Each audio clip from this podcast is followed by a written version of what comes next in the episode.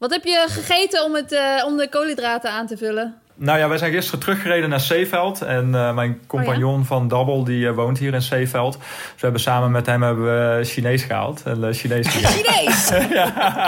De perfecte herstelmaaltijd ja, van Bjorn. Ja, dat, dat, was wel Ik dacht, hier komt de wienersnietsel aan, maar nee. Nice. nou, oh ja, ik heb gisteren onderweg ook nog een broodje, broodje wienersnietsel op.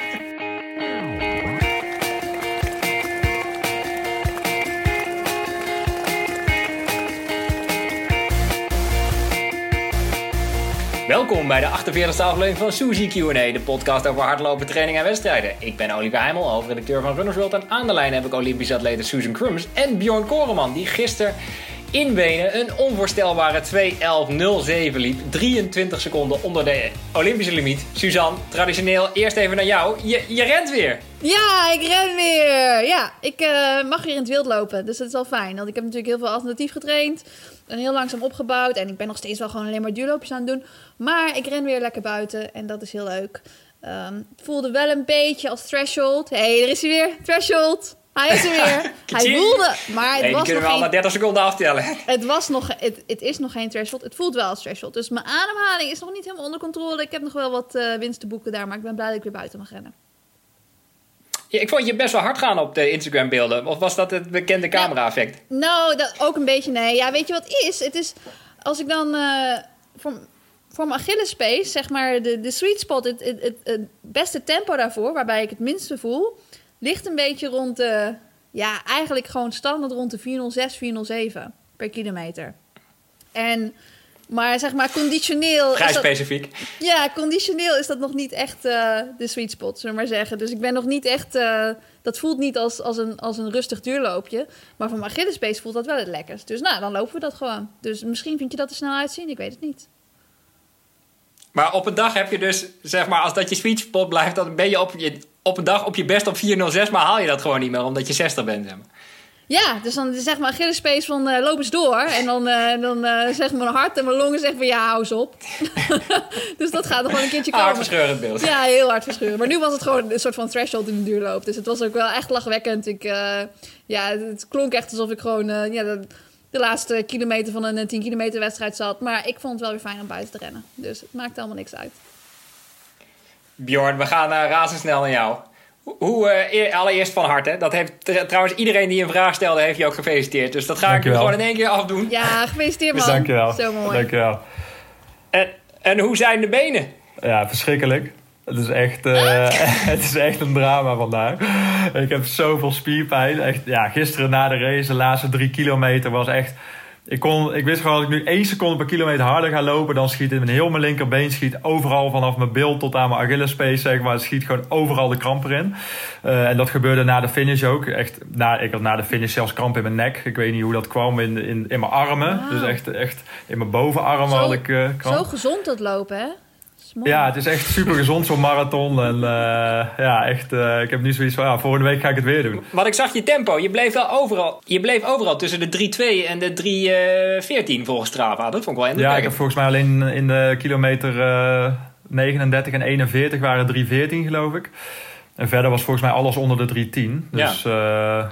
ja, daar ben ik hartstikke tevreden mee. Dat is ja, heel de verloop van de race ben ik gewoon hartstikke blij mee. En uh, ik had gewoon wat speling opgebouwd in uh, de kilometers tussen 28 en 35. Omdat ik wist, die laatste kilometers worden toch wel zwaar. Of ik nu dit tempo blijf lopen of een beetje versnel, zwaar wordt het toch wel.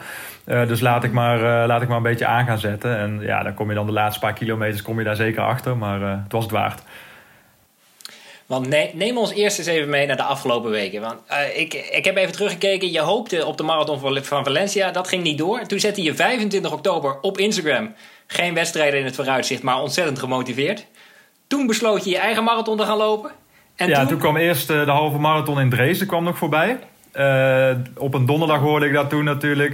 toen ben ik daar op zaterdag heen gereden. op zondag die halve marathon daar gelopen. Nou, super goed uitgepakt met die 1.244. Uh, en toen een beetje in zo'n dipje van ja, waarom zou ik nu nog een marathon solo gaan lopen? Want dat was, dat was de planning. Ik had besloten om een, om een marathon solo te gaan lopen. En dan zou ik weggaan op 2.15 met uh, onder andere Luc Maas, Stan Nieste en uh, Linor als, als hazen. Helemaal leuk opgezet. Totdat ik een week daarvoor kreeg opeens te horen dat ik in Polen mocht gaan starten. Tegelijk met de Valencia Marathon in Olesno. Heel kleinschalig, Pools kampioenschap. Uh, wel leuk georganiseerd. Uh, totdat ik daar ook weer vijf dagen van tevoren te horen kreeg... Uh, gaat niet door, er worden geen buitenlanders toegelaten. Alleen het Pools kampioenschap gaat door. ja, toen weer in een motivatiedip. Dus eigenlijk vorige week heel weinig getraind. Of ja, voor mijn doen weinig getraind. Ja, een soort wel getaperd, maar ook gewoon echt een motivatiedip. Dat ik zoiets had van... Mhm. Ja, wat, wat nu weer? Ga ik nu weer terug naar dat solo? Of de vorm was gewoon goed. Ik draaide echt super goede trainingen. Lange duurlopen draaide gewoon zeg maar easy op 3,40 per kilometer. Dat ik dacht, ja, oké, dit draait echt heel makkelijk. Ehm, totdat ik toen toch weer verder ben gaan zoeken en uh, op internet iemand voorbij zag komen die dus meedeed aan het Oostenrijks kampioenschap op de marathon via Volare, mijn management, uh, daar weer naar gecontacteerd. En die zeiden van ja, als dinsdag de startlijst niet op 100 man staat, dan kunnen we het veld aanvullen met jou. Uh, toen keek ik dinsdag op die lijst, stond hij op 107. Ze hebben negen mensen van de lijst afgeschrapt. Kreeg ik dinsdagavond te horen dat ik toch mocht starten. En toen uh, alles zo snel gaan regelen om in Wenen aan de start te staan. En ja, ik had, ik had dinsdag ook nog uh, een crematie van iemand die ik heel goed ken. Die is overleden aan corona. Uh, dus het was echt wel heel hectisch allemaal. Heel die week sowieso qua rollercoaster aan emoties. En uh, ja, dus ik denk dat deze, deze prestatie daardoor alleen maar extra mooi is geworden. Ja, echt super indrukwekkend. Dat je zeg maar sowieso al hard hebt gelopen, zou ik sowieso al zeggen van dat is een prachtige prestatie. Maar ja, mensen zeggen wel eens in de voorbereiding naar een wedstrijd: Oh, het was echt een rollercoaster. Maar dit is letterlijk echt een rollercoaster van emoties. En iedere keer als je dan weer een teleurstelling hebt of, of juist weer goed nieuws. Dat is altijd weer energie natuurlijk. Dat vind ik echt super bijzonder hieraan. Dat je dus, ja, dus toch nog de energie wist te vinden om dan ook nog die marathon te lopen. Zo hard. Ja, ja, het was gewoon. Kijk, in de training heb ik uh, gewoon aan mezelf kunnen bewijzen. En ook die 1-2 heeft natuurlijk heel veel vertrouwen gegeven van dat ik gewoon wel in staat was om hard te kunnen lopen. Alleen ja, dat die 2.11 in deze wedstrijd eruit is gekomen... dat had ik uh, eerlijk gezegd ook een dag van tevoren niet verwacht hoor. Dus, uh, ja, het is leuk om eh, jezelf te verrassen. Dat is wel het mooiste dat er bestaat, toch? Ja, precies, precies. Dus daar ben ik hartstikke blij mee. Zeker. Ik plaatste nog een fotootje op Instagram van jou en Kip Kipchoge. Want de, de, symmetrie was mij natuurlijk niet ontgaan... dat hij daar vorig jaar zo hard liep in dat park. Had je er zelf ook aan gedacht? Want hij loopt daar ook en het is kennelijk best een snel ja, nou, alles staat er nog... Volgens mij had je ook dezelfde schoenen. Ja, ook nog. Eh, of ja, niet helemaal. Hij had volgens mij de schoenen die nu verboden zijn. Dus uh, daar liep hij op dat moment op. Uh, ik liep wel op de Alphafly. Uh, maar ja, je zag natuurlijk nog gewoon uh, op het asfalt staat allemaal nog Elite Kipchoge 1.59.40 en zo. Dat staat er allemaal nog in. En ik heb ehm, ja, de baas gesproken, zeg maar. Die stond ook bij de finish die dat helemaal heeft georganiseerd en zo. Dus dat, dat was wel leuk. En ja, dat, is, dat, dat was gewoon geweldig. Het ademt daar wel. Het is zo snel daar. Het is gewoon één lange rechte weg. En wij liepen dan wel een extra lusje. Dus we liepen niet helemaal hetzelfde parcours. Dus, uh, maar ik heb in ieder geval een kommetje. Maar, uh... Ja, yes! Hoe groot was de ronde dan die je liep? Wat? Wat zei je? Hoe groot was de ronde die je liep? Uh, er waren rondjes van 7 kilometer. Ik weet niet hoe groot die rondjes van Kipchoge toen waren. Maar hij startte ook op die brug bijvoorbeeld. En wij startten midden in het park. Uh, het waren rondjes van 7 kilometer. Dus je liep eerst een kilometer rechtdoor over dat uh, rechte stuk. Daarna ja. liep we eigenlijk in een, in een ja, ongeveer 2 kilometer in een park. En daar ging je weer uit. Om vervolgens weer eerst nog een kilometer rechtdoor en daarna weer uh, drie kilometer uh, de andere kant op. Maar dat was dus zes keer moest je om een pionnetje heen draaien. Uh, oh wauw, dus je had niet een mooie rotonde. Want hij had toen toch die rotonde die helemaal ja. was opgehoogd zodat hij mooi in de bocht kon hangen. Dat had je dus niet. Nee, die hadden we niet. Nee, nee. Oh, ja, ik is eigenlijk gewoon 2-10 gelopen. Ja, precies, precies. Ja, dat was... Die eerste vier keer ging dat ook best goed. Maar die laatste keer hoorde je ook iedereen van... Kom op, kom op, weet je wel. Blijf staan, blijf staan. Zo, omdat het gewoon... Ja, je moet om, om een paar pionnetjes moet je heen. En dat is gewoon zo'n scherpe bocht. Maar uh, ja. het ging goed. Het was ook geen nat asfalt of zo. Dus dat scheelde wel. Maar, nee, maar met de Alphafly is natuurlijk sowieso... Omdat het een hoge schoen is... Is dat ook best wel moeilijk om echt scherpe bochten te maken. Maar dat, uh, ja. dat, dat heb je dus overleefd. Ik ben benieuwd wat er beelden van ja. zijn. ja, dat weet ik niet. Ja, want voor de luisteraars, de, Alphafly is eigenlijk een soort Next, dus met carbonplaat. Maar hij heeft ook eh, Nike Air op, aan de onderkant van je voorvoet, toch? Ehm, ja, hij heeft een, een, pot aan de voorkant heeft hij ook nog inderdaad. Dus, dus dat is extra. de meningen zijn heel erg verschillend. Als je eigenlijk de afgelopen marathons ziet... zie je eigenlijk dat bijna iedereen teruggaat toch naar die Vaporfly. Ehm, ik ervaar eigenlijk niet heel veel verschil tussen de schoenen. Alleen dat je wat, wat hoger op je voeten staat, zeg maar, op de Alphafly. Maar ik had er die halve marathon opgelopen en dat was goed gegaan. Dus ik dacht van waarom zou ik ze nu niet aandoen? Dus ja, nou ja, gelijk heb je.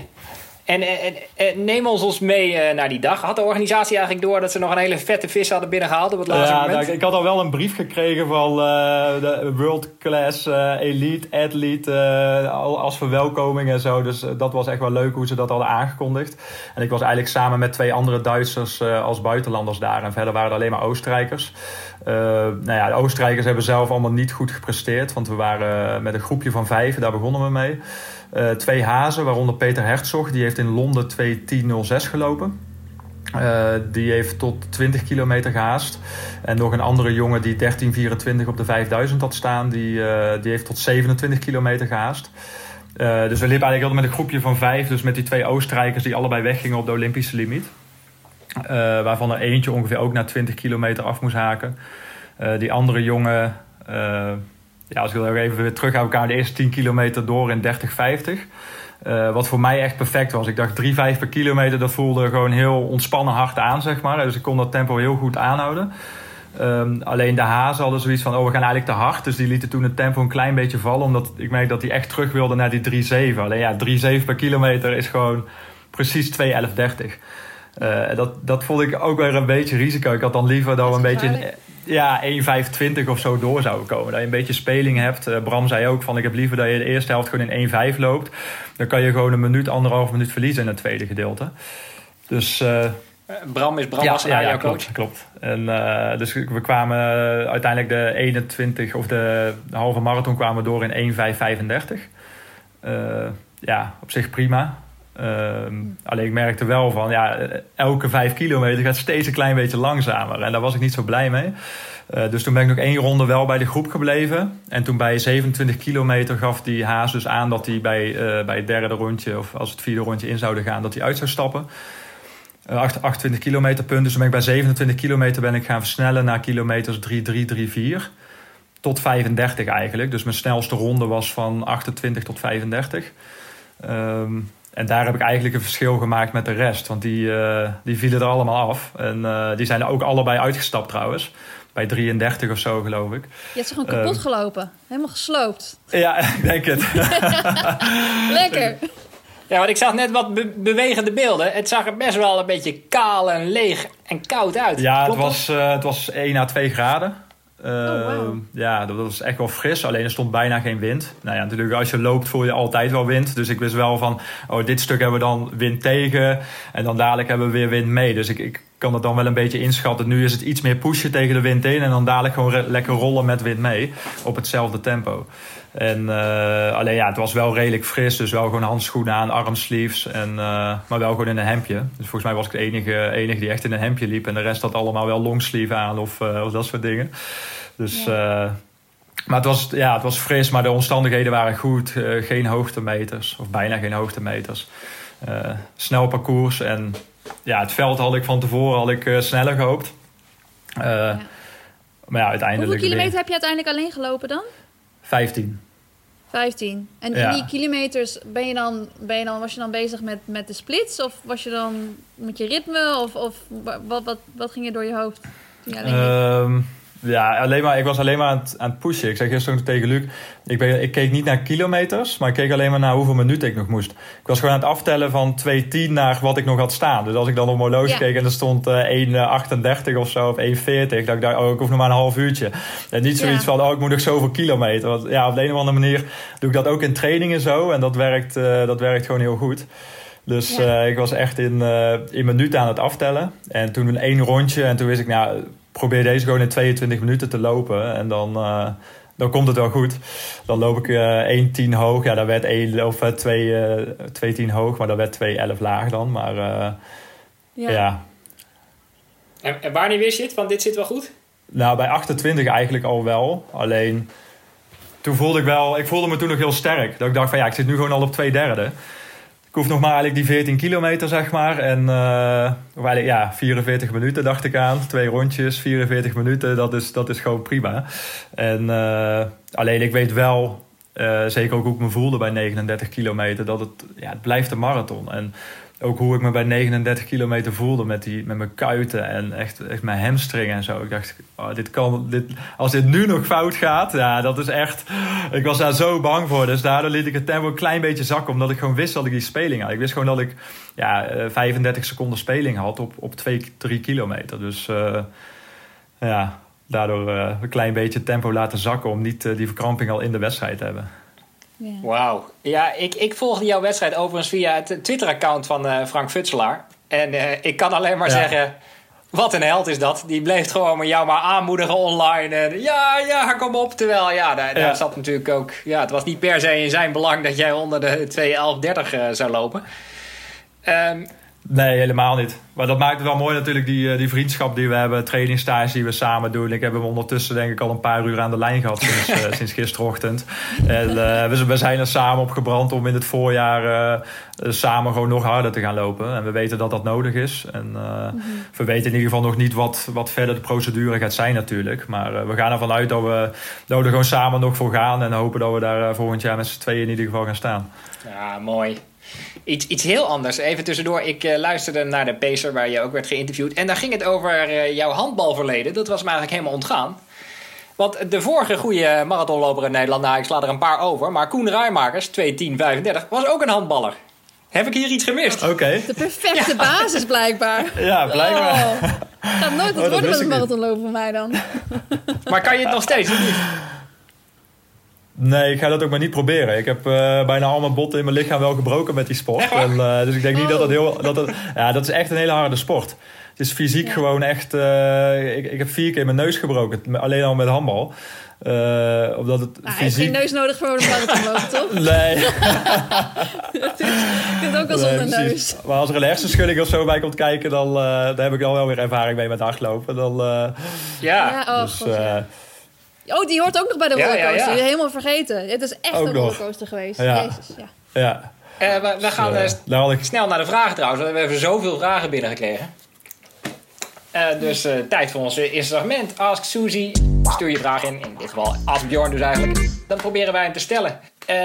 en de vraag van Michel Kip. Erg sterke race. Ging de kopgroep steeds weg op twee ja, nou eigenlijk hebben we dit behandeld. Hè. Wanneer wist je, ik heb kans. Op 28 wist je eigenlijk al kat in het bakkie. Maar helaas, ik moet nog 14 kilometer doorlopen voor de rest van de wereld het ook gelooft. ja, kat, kat in het bakkie niet. Maar uh, toen voelde het al wel goed, goed genoeg om te weten van, dat er in ieder geval een hele mooie tijd in zou zitten. Ja. Oh, dan heb ik wel eigenlijk misschien een vraag die daar een beetje op aansluit. Want dat was in de wedstrijd. Maar wanneer wist je zeg maar in je trainingen? Want wat was je per hiervoor ook weer? Was het 217? 217. 217, 26. Dus je hebt er wel best wel veel van afgelopen. Dus wanneer wist je eigenlijk in je trainingen van... oké, ik ga ook weg op dat tempo en ik ga het gewoon proberen? Uh, nou, vooral door die 1-2, die had dat bevestigd. Eigenlijk zonder specifieke halve marathonvoorbereiding uh, ging ik die halve marathon lopen. En dan loop je 1-2. Nou, dan ga je toch een beetje rekenen, samen met Bram naar kijken. En uh, Bram stond echt helemaal versteld van die 1-2. En die zei, ja, als, als dit nu in jou zit... en ik denk dat hoe langer de afstand wordt, hoe meer het jouw afstand wordt... dan is 2-11 gewoon heel realistisch. En, en was, uh, was, toen je Frank zag en toen je zag dat hij de limiet liep, was dat nog een extra bevestiging voor je? Omdat je natuurlijk ook wel eens samen traint. Van, nou ja, als hij het ook al. En het is, uh... ja, nee, maar nee, zo, ja, zo dacht ik juist helemaal niet. Ziet. Kijk, Frank liep natuurlijk die, die limiet precies. En ja. dat laat alleen maar zien hoe, ja, hoe toch wel knap het is om überhaupt die tijd te lopen. Hè? Zeker als je heel het seizoen van Frank ziet. Hij ja. heeft duidelijk harder gelopen op de kortere afstanden dan ik. En echt wel flink harder gelopen. Um, ja. dan ga je toch wel twijfelen van ja, dat is 2-11 oh, dan misschien niet iets te hoog gegrepen voor mij, zeg maar. Hè? En wat als Frank ook in Dresden had gelopen, had hij dan misschien 1-2-10 gelopen of 1-2-20? Ja, mm. dat weet je natuurlijk niet. Dus je gaat altijd wel een beetje, denk ik, naar die onzekerheid toe van ja, kan ik het nu wel of kan ik het niet? En ja, uh, ja ik ben vooral van mijn eigen kracht uitgegaan. En wat ik al zei, die eerste 10 kilometer voelde, die 3, 5 per kilometer voelde zo easy aan eigenlijk. Dat, ja, ja, dan klopt alles gewoon en dan komt het er wel uit. Ja, voelt het goed. Want voor de luisteraars, jij liep volgens mij 29, 22 op de 10 en Frank die doet 28, 50. Dat is nog best, dat is een half minuut verschil. Een halve minuut verschil, ja. ja. Dus, maar jij bent een dieseltje. Jij komt dan op gang en dan... Uh, misschien kun je wel een hele goede 100 kilometer lopen. Wie weet. Je hebt ja, wie weet, wie weet, wie weet. Ja, ga ik volgend jaar samen met Edwin de Vries gaan we voor het Nederlands kampioenschap 100 eh, kilometer. ja, volgens mij moet je die Alpha Fly al bijna mee weggooien na 100 kilometer. Dus daar moet je nog wel even iets op bedenken. Maar... Ja, Heb precies. een schoenenwissel halverwege? Ja, ja, ja, precies. Een, eh, een, vraag van Maartje Kusters. Ik heb het idee dat zij je wel een beetje kent. Um, wat ging er door je, race, door je hoofd tijdens de race? Um, nou, wat ik wel grappig vond, zeg maar, is ook wel dat ik na de race... dat ik dacht dat niemand in Nederland iets meekreeg van die race omdat alleen Luc Maas was erbij. En hun zeiden tien minuten voor de race... ja, niemand krijgt iets mee, want we hebben geen live tracking, we hebben niks. Dat zeiden ze tegen ons. Maar toen opende ik mijn telefoon, had ik bijna 600 appjes. En uh, ik had iedereen al aan de lijn en noem maar op. Toen dacht ik, oh shit, er heeft zoveel mensen hebben meegeleefd met mijn marathon... zonder dat ik daar iets van mee heb gekregen in de wedstrijd. Ik was alleen maar bezig gewoon ja, met, met die rondetijden. Ik wist gewoon elke keer rondes aftellen en... Uh, ja, wat gaat er niet door je hoofd heen? En, uh... dus, jij, dus jij dacht eigenlijk van, oké, niemand, niemand weet dat dit gebeurt. En straks dan ga ik eventjes mijn race uploaden op Strava. en dan ontploft er een bom. ja, dat soort dingen die gaan ook al door je hoofd heen. Ja, ja, Dat, uh, dat was een grappig geweest. Verrassing! Ja. Ik uh, maak even een bruggetje trouwens. Want ik hoorde ook bij de Pacer dat jij als verklaring voor jouw enorme spurt een paar jaar geleden. Wij, wij spraken elkaar met z'n drieën een paar jaar geleden. En toen liep je eigenlijk nog precies even hard als Suzanne. Uh, gaf dat, dat je relatie beëindigd was. En dat je daarom veel meer tijd had. Heb jij je ex nog gesproken sinds uh, de Olympische kwalificatie? Of, nee, nee. nee, die, nee, ook niet sinds die podcast. Ook niet sinds die podcast. Oké. Okay. Um, nee. Volgende vraag. Ik moet, sorry, ik moet me even aanpassen. Uh, uh, Nederland heeft de ongekende luxe van uh, meer geplaatste atleten dan plekken. Vraagt Lotte van Tricht. Wat zou jou, in jouw ogen de eerlijkste manier van kiezen zijn? Mm, ja, dat vind ik wel een goede vraag. Ehm, ja, trials zijn wel leuk, denk ik. Ja. Nou, als je Bjorn heet, zou ik het ehm. gewoon alfabetisch doen. Eh. Hoewel Abdi is een A ja. natuurlijk. Maar. ja. kijk, uh, om nu te zeggen van de snelste drie gaan, vind ik, vind ik niet eerlijk tegenover Frank. Uh, kijk, ik heb nu 23 seconden harder gelopen. Maar als je inderdaad kijkt, hij heeft uh, een super jaar achter de rug. En hij loopt ook de limiet. En als, ja, dus ik, vind, ik vind het heel lastig. Uh, maar aan de andere kant... Um, vind ik het ook weer zo als iedereen gewoon ergens in het voorjaar. Want ik denk dat er echt nog wel wat marathons komen. We hebben nog eentje doorgekregen in Zwitserland die doorgaat. Um, dus, dus ik denk dat er echt nog wel wat mogelijkheden zijn voor marathons. Kijk, als iedereen dat op zijn eigen plek wil doen waar dat voor hem uh, goed uitkomt. Is dat wat mij betreft ook prima. Dus mij maakt dat niet zo heel veel uit. Ik ben er. Uh... Ja, dus het hoeft niet op dezelfde dag. Nee, ja, hoeft ook niet. Ja, het is, uh, weet je, ik ben me er zelf gewoon bewust van dat, dat ik nog een marathon moet gaan lopen in het, uh, in het voorjaar. En uh, op wat voor manier maakt me niet zo heel veel uit eigenlijk. Dus uh, ik laat het wel op me afkomen door, uh, door de Atletiek Unie. Ja, want ik las dat, dat twee van de drie aanwijsplekken zijn. Ik had het daar vorige week ook met Frank over. En daar heb ik ook over nagedacht. Want mensen zeggen natuurlijk, is het dan niet het logisch om gewoon de drie snelste te sturen? Nou kon ik me wel wat uitzonderingsposities, ik bedoel uitzonderingen voorstellen. Maar bijvoorbeeld als iemand in Boston heel erg hard loopt... met een parcours waar je geen wereldrecord kan lopen... omdat het point-to-point -point is en je soms wind mee hebt kan ik me dan wel weer voorstellen dat je als atletiek unie zegt, ja. Ja, dat is ook volgens mij een van de voorwaarden die ze zeggen. Ze kijken niet alleen naar de snelste tijd, maar ook in wat voor omstandigheden heb jij die marathon gelopen. Uh, in wat voor veld heb je, dat heb je die marathon gelopen. Uh, en daarnaast nog naar alle andere prestaties die je de afgelopen tijd hebt geleverd. Of uh, in wat, over wat voor periode dat gaat, weet ik niet. Maar ehm, dus ik denk ook, stel, jij wordt net als uh, Michel toen zesde in New York. Ik denk dat dat iets zwaarder telt dan dat jij in 2.11 loopt. Dat, ja, hoewel je ook weer kan beweren dat het knapper is om 2.11 te lopen... als de eerste Oostenrijker pas na 2.26 over de finish komt of zo. Ja, ja. ja. dat is, uh, ja, daar zit misschien ook wat in. maar in het buitenland zie je ook dat daar steeds dingen voor veranderen natuurlijk. In Amerika heb je altijd al de, de trials gehad. En daar hebben ze natuurlijk ook altijd al heel veel atleten gehad die natuurlijk de limiet lopen. Dus dan is dat ook wel logisch, want dan heb je gewoon een wedstrijd met een vol veld. Maar ja. uh, volgens mij hebben ze in Groot-Brittannië in het verleden deden ze altijd inderdaad nou ja, op een bepaalde datum de, de, snelste drie. In ieder geval doen ze dat in Australië zo. Dus nou ja, dan weet je gewoon als er een tegenstander weer harder loopt, dan, dan moet ik weer nog een marathon gaan inplannen, zoiets. Ja, ja. Um, maar nu zie je bijvoorbeeld ook in Groot-Brittannië dat ze nu ook voor trials kiezen, omdat er inderdaad wel meer atleten zijn die inderdaad nu de limiet lopen. Dus uh, ja, ik denk dat er in de toekomst wel dingen, dingen voor gaan veranderen en dat moet ook wel. Ja, precies. En dat, ik denk ook voor deze Olympische Spelen dat het ook lastig wordt als ze nu gaan zeggen, bijvoorbeeld in april dat, dat terwijl als ik dan nog zoiets heb van nou ik, ga, ik loop die gewoon niet mee. Maar ik ga in mei gewoon zelf voor een tijd. En dan kijk ik gewoon wie wat heeft gelopen. En op dat schema ga ik weg. Dus ik ben heel benieuwd hoe ze, dat, uh, hoe ze dat gaan inplannen. Kijk, ze kunnen ook niet nu opeens de limiettijden gaan veranderen of zo. Dat zal echt voor de volgende Olympische Spelen zijn. Maar, uh, nou ja, en wat doe je als die trial dan wordt gewonnen in 2016? Ja, ja, volgens mij moet je sowieso veel nou doen aan de, internationaal aan de tijd. Ja, ik, kom, dus, ik gaf eh, gisteren het extreme voorbeeld van Elliot Kipchoge. Stel dat hij net de vierde tijd loopt. Bij de trials kan ik me wel voorstellen dat er in Kenia toch stemmen opgaan om hem als titelverdediger toch te sturen. Dus dat je dan wel weer naar een aanwijsplek wil kijken. Daar zijn het sowieso aanwijsplekken, geloof ik. Ja, ja dat zijn ze ook best, best politiek ook. Eh. Ze sturen niet per se ja, de snelste Kenia. Moet je de juiste coach hebben. Ja. um, uh, ja, ik krijg ook veel vragen over uh, hoe je je gaat voorbereiden eigenlijk. Want ik, in je hoofd ja, ga je nu natuurlijk wel toewerken naar de Spelen... of werk je gewoon toe naar de volgende marathon? Hoe werkt zoiets? Nou, in mijn hoofd ga ik nu eerst even rust nemen.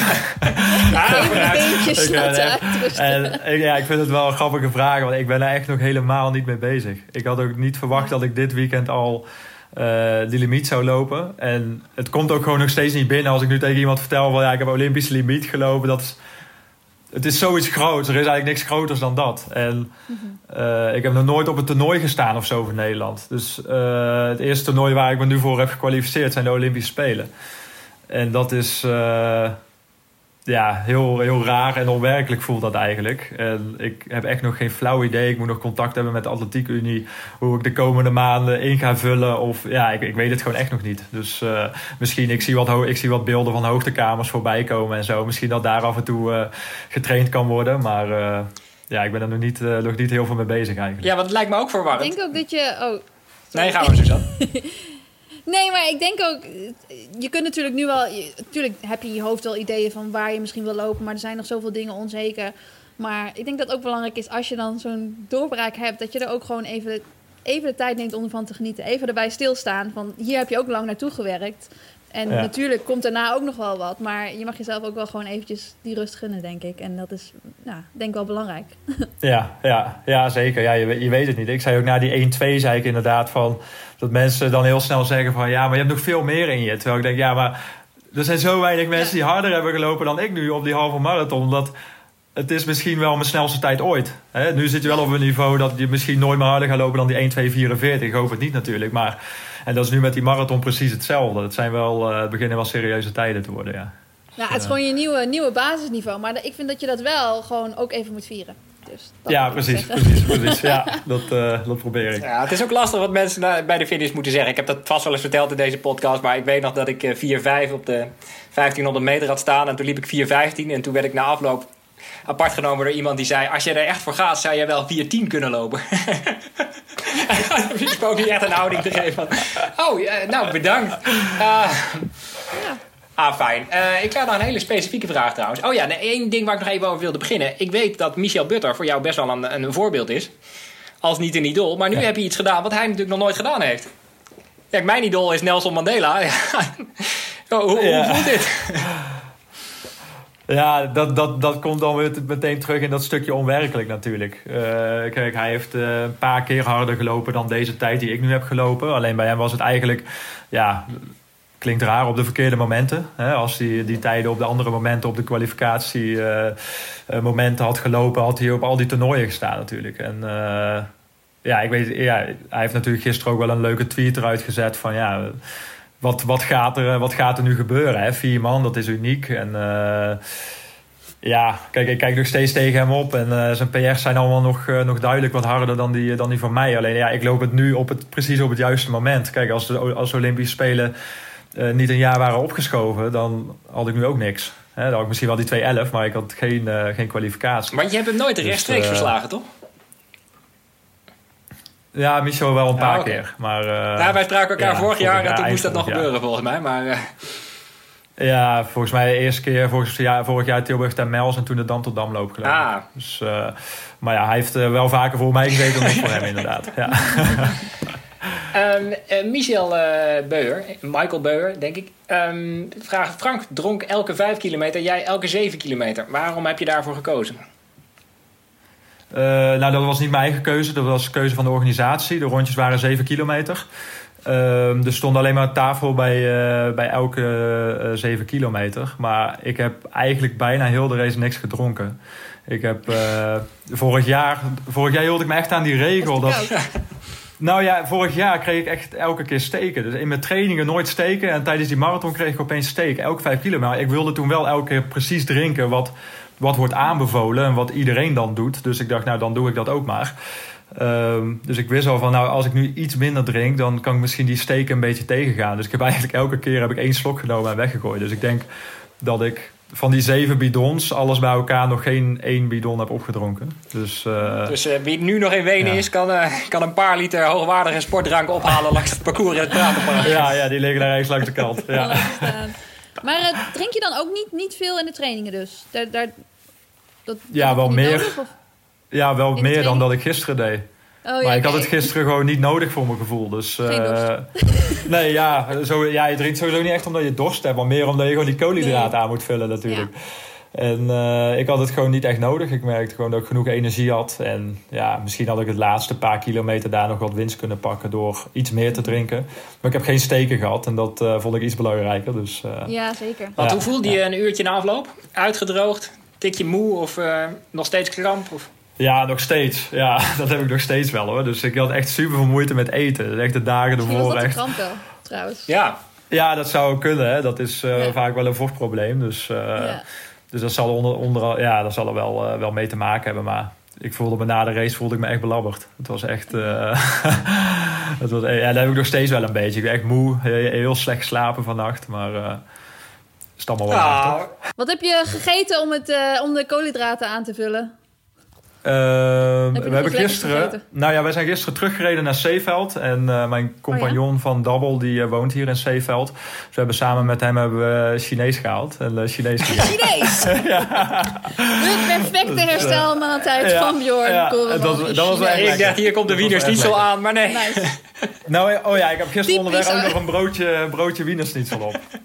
Oh, dat is een perfecte klassieke combinatie. Ja, die heb ik net ook nog op trouwens, net voor de podcast. Dus, uh, dat mag niet allemaal, hè? Maar je hebt het weer met de auto dat gedaan, Dat klinkt als goed herstel. Ja, dus uh, Wenen is een stukje verder dan toen in Dresden. Uh, dus iets bijna 1200 kilometer. Dus we hebben nu eerst 500 kilometer gisteren meteen teruggereden naar de race. -hmm. uh, zitten nu in Zeeveld. En eigenlijk zouden we vandaag terugrijden, maar eigenlijk van, ook vanwege mijn uh, uh, niet zo snelle herstel op dit moment hadden we zoiets van: nou, we gaan morgen wel de hele dag in de auto zitten. En dan kan ik vandaag nog even rustig aan doen. Dus ik ben vanochtend uh, met Lux een training, die deed een duurloopje van een, uh, van een uur, ben ik meegefietst. Ik schrok even, maar mee. behoorlijk wat hoogtemeter. Ja, ja maar dat, ook dat fietsen ging niet heel soepel. Alles Hij moet steeds op je wachten. Ja. Of, Hij heeft wel een keer op mij moeten wachten omdat ik de heuvel niet op kan. Oh, heerlijk. Uh, nou, volgens mij hebben we de vragen dan ook wel een beetje gehad. Uh, ja, we hebben je al gevraagd naar je voorjaar. Daar, daar wil je nog helemaal niet aan denken, volgens mij. Niet te veel, nee. nee. Dat, uh, nee maar als je, ja, dat oh. zal denk ik de komende weken wel wat duidelijker worden. Maar uh, dat is even afwachten. Maar als je dan een wedstrijd gaat plannen, ga je dan denk je op hoogte proberen te trainen? Of je gaat dan uh, inderdaad gewoon de hoogtekamer in en proberen op die manier je voor te bereiden? Is, is hoogte belangrijk ja. voor jou? Nee, hoogte denk ik, ik denk dat dat wel meevalt. Ik denk dat vooral uh, die rust is. Dus uh, wat ik dan in St. Moritz meer ervaar is dat ik gewoon kan trainen en kan rusten. Ja. Uh, wat ik thuis veel minder doe. Dus ja. ik denk dat die verhouding voor mij gewoon veel belangrijker is. En dan, ja, die hoogte zal ongetwijfeld ook wel wat meewerken. Maar meer gewoon, ja, Het is ook... Is het eh, eh, train, trainingstage effect? ja, precies. Ja, het is, hebt, eh, ja. ja, het is eh, en voor mij ook een soort vakantie. Dus dan kom ik ook gewoon echt tot rust.